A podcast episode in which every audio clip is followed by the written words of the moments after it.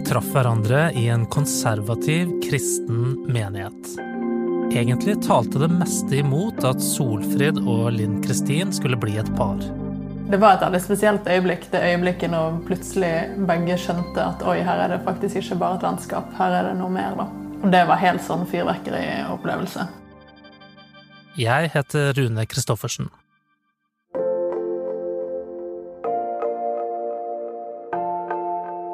Jeg er hjemme hos Solfrid og Linn Kristin i en leilighet på Kronstad.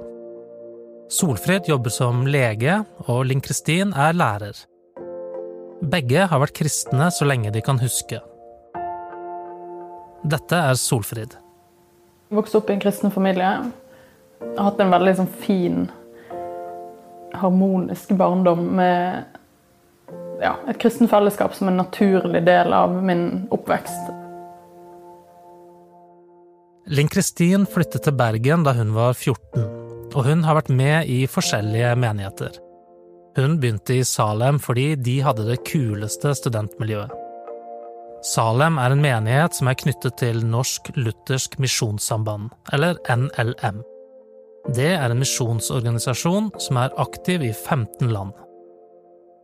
For både Solfrid og Linn Kristin har musikken alltid vært en veldig viktig del av menighetslivet. De har holdt konserter og ledet lovsang. Og Linn Kristin skriver fremdeles egne låter.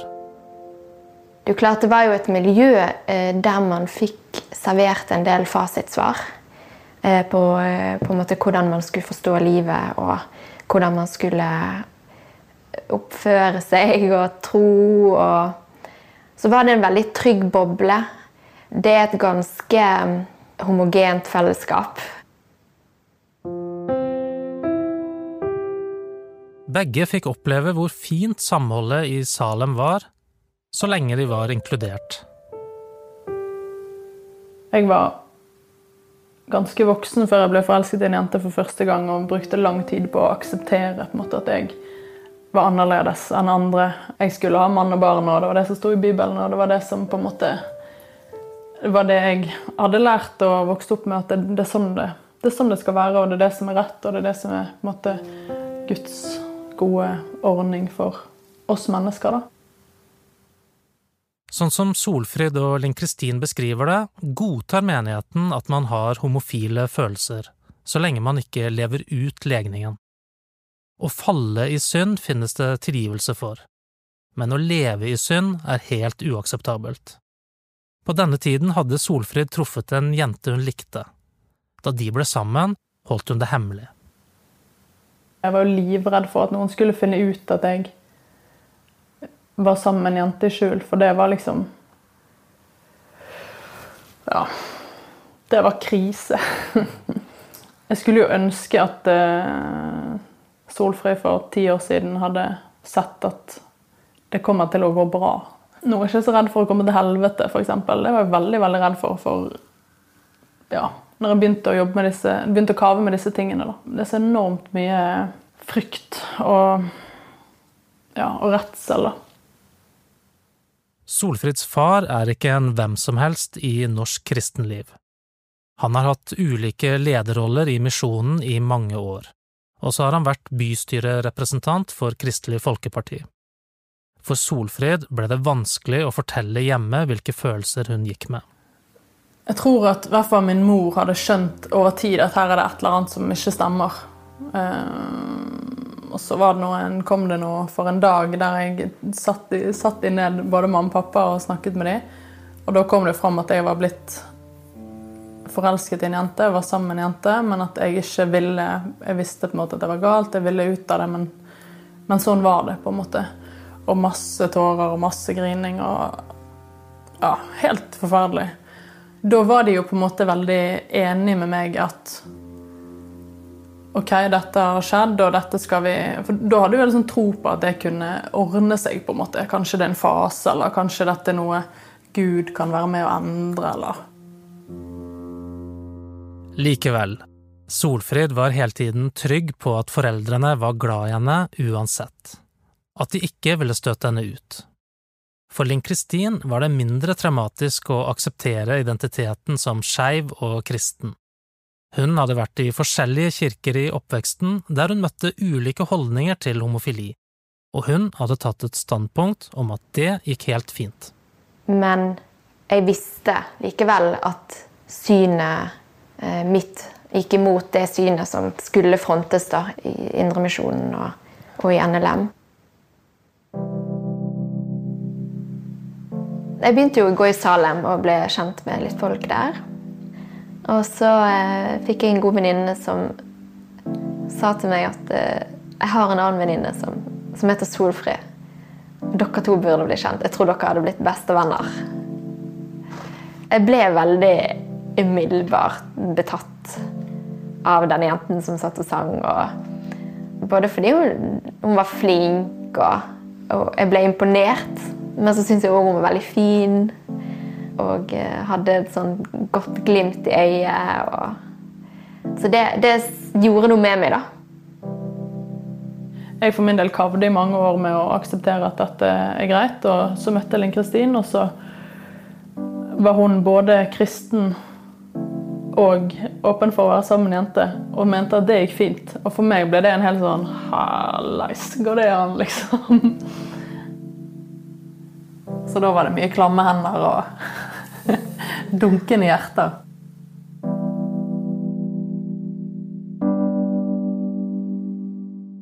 På den ene siden var det godt å bli sammen. Samtidig følte begge to på at dette var et valg med dramatiske konsekvenser, slik menigheten så det. Solfrid og Linn Kristin sier at det sjelden ble snakket eksplisitt om helvete på talerstolen men at frykten for helvete likevel er en grunnleggende forståelse i dette miljøet. Det betyr at for dem som lever i synd, så er det en helt ekte fare for at man vil bli pint i all evighet.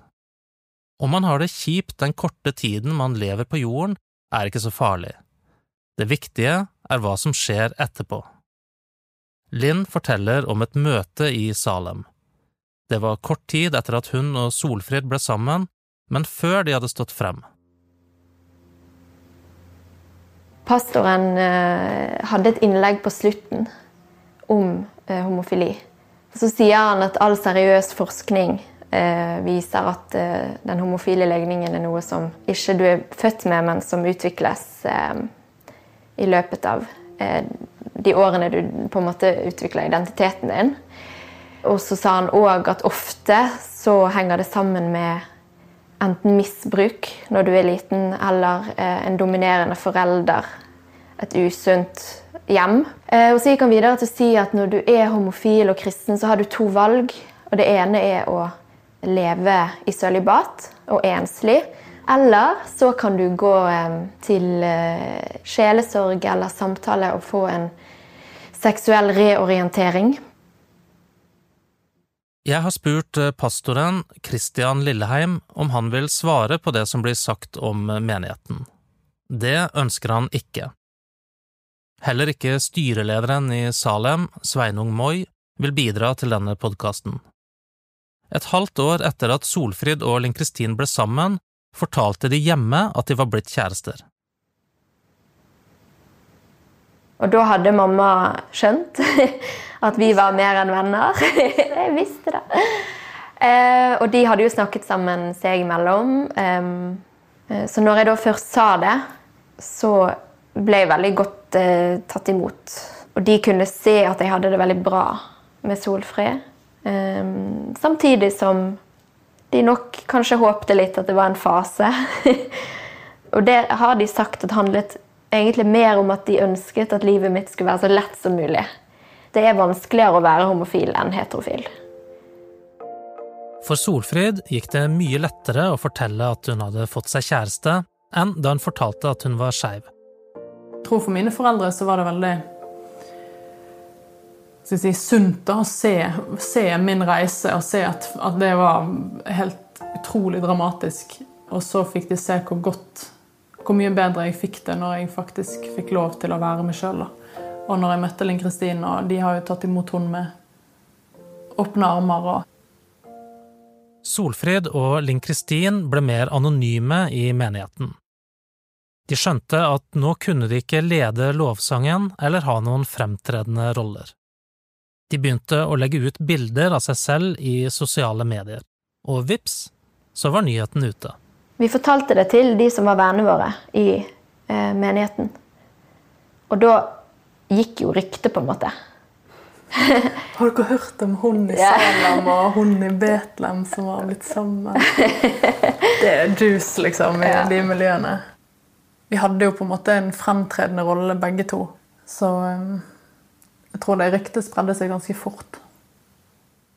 En dag kom det en melding fra pastoren, forteller de. Han ba om en samtale. Solfrid og Linn Kristin hadde gått og ventet på det. Han vil nok først og fremst advare oss om at vi var på vei til helvete. Og han trakk fram bibelvers som for å underbygge eh, hans syn på det, organisasjonens syn på det. Og han hevdet òg at eh, NLM aldri kommer til å endre synet på dette. Så antydet han òg at, at, vi ikke var kristne når vi tok et sånt aktivt valg om å gå imot Guds vilje. Han mente at vi kanskje ikke burde gå til nattverd fordi at, at du kanskje forventer på en måte bare synde og så gå til nattverd og få tilgivelse, og så fortsette å synde. Linn Kristin sier hun oppfattet det som et forsøk på omsorg fra pastoren, at han faktisk ville redde dem fra helvete, men at hun likevel ble lei seg og provosert. Plutselig var de liksom redusert til sin seksuelle legning. Etter dette forandret mye seg. Linn Kristin forteller at hun en gang ble spurt av en kristen forening om hun kunne holde en konsert for dem. Og jeg sa ja til det, og jeg hadde en konsert eh, på Kvarteret. To år etterpå så fikk jeg et nytt spørsmål om jeg ville ha konsert igjen. Og det hadde jeg jo veldig lyst til, men i mellomtiden så hadde jeg blitt sammen med Solfrid. Så jeg hadde jo behov for å være ærlig. Så jeg sa at jeg har veldig lyst til å ha konsert, men jeg er sammen med en jente. Så fikk jeg svar noen dager etterpå om at uh, vi vil ikke ha konsert med deg likevel. Og det var jo en del av meg som kanskje forventet det svaret. Men det er et veldig konkret eksempel på den skepsisen og den mistilliten du møter som homofil i disse sammenhengene.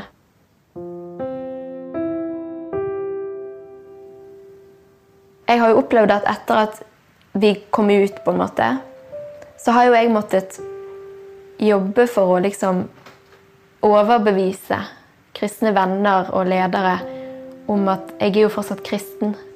Nei, jeg har ikke skiftet mening om alt innenfor den kristne tro. Jeg har bare valgt å, å, på en måte leve ut Eller leve sammen med den jeg, jeg elsker. Kjenner for min del så har troen min fått uh, juling. Og at hvis, måte, hvis, Gud faktisk er sånn som de konservative hevder, så vil jeg på en måte ikke ha noe med Gud å gjøre. De sier at menigheten har gitt dem et fantastisk fellesskap, men også en stor sorg. Det sitter langt inne å oppsøke et nytt miljø når de har brent seg en gang før. Men de håper at de en dag kan engasjere seg i en ny menighet det må bli slutt på at noen opprettholder eh, noen syn som driver mennesker til depresjon og selvmord. Liksom. Det, det, er ikke, det, er, ikke, greit. på en måte. Det, det må ikke få fortsette. I 2019 ble Solfrid og Linn Kristin Løvfall Breistein viet i Åsane gamle kirke. 14.9. Og i Bergen kan jo det være både en kjempefin høstdag og en helt forferdelig våt og grå dag. Vi fikk en våt og grå dag. Vi valgte å gå inn sammen i kirken og møttes utenfor kirken. Jeg visste ikke hva Kjole Solfrid hadde, hun visste ikke hva jeg hadde. Vi hadde vært på samme brudehuset, men fikk være i hver vår etasje. Og så hadde vi forloverne våre og hun som jobbet der, som løp opp og ned for å passe på at brudekjolene matchet. Ikke, eller i hvert fall ikke krasjet fullstendig, da. Så det måtte vi jo tenke på. Vi valgte bevisst å, å vente med å gifte oss til vi følte at nå er det blir en god dag. Ja, nå er venner og familie så vant til at vi er sammen, at nå kan vi feire. Ja, det, det er jo sånn det skal være. så det føltes bare som At de feiret med oss. Det var ikke en selvfølge i starten.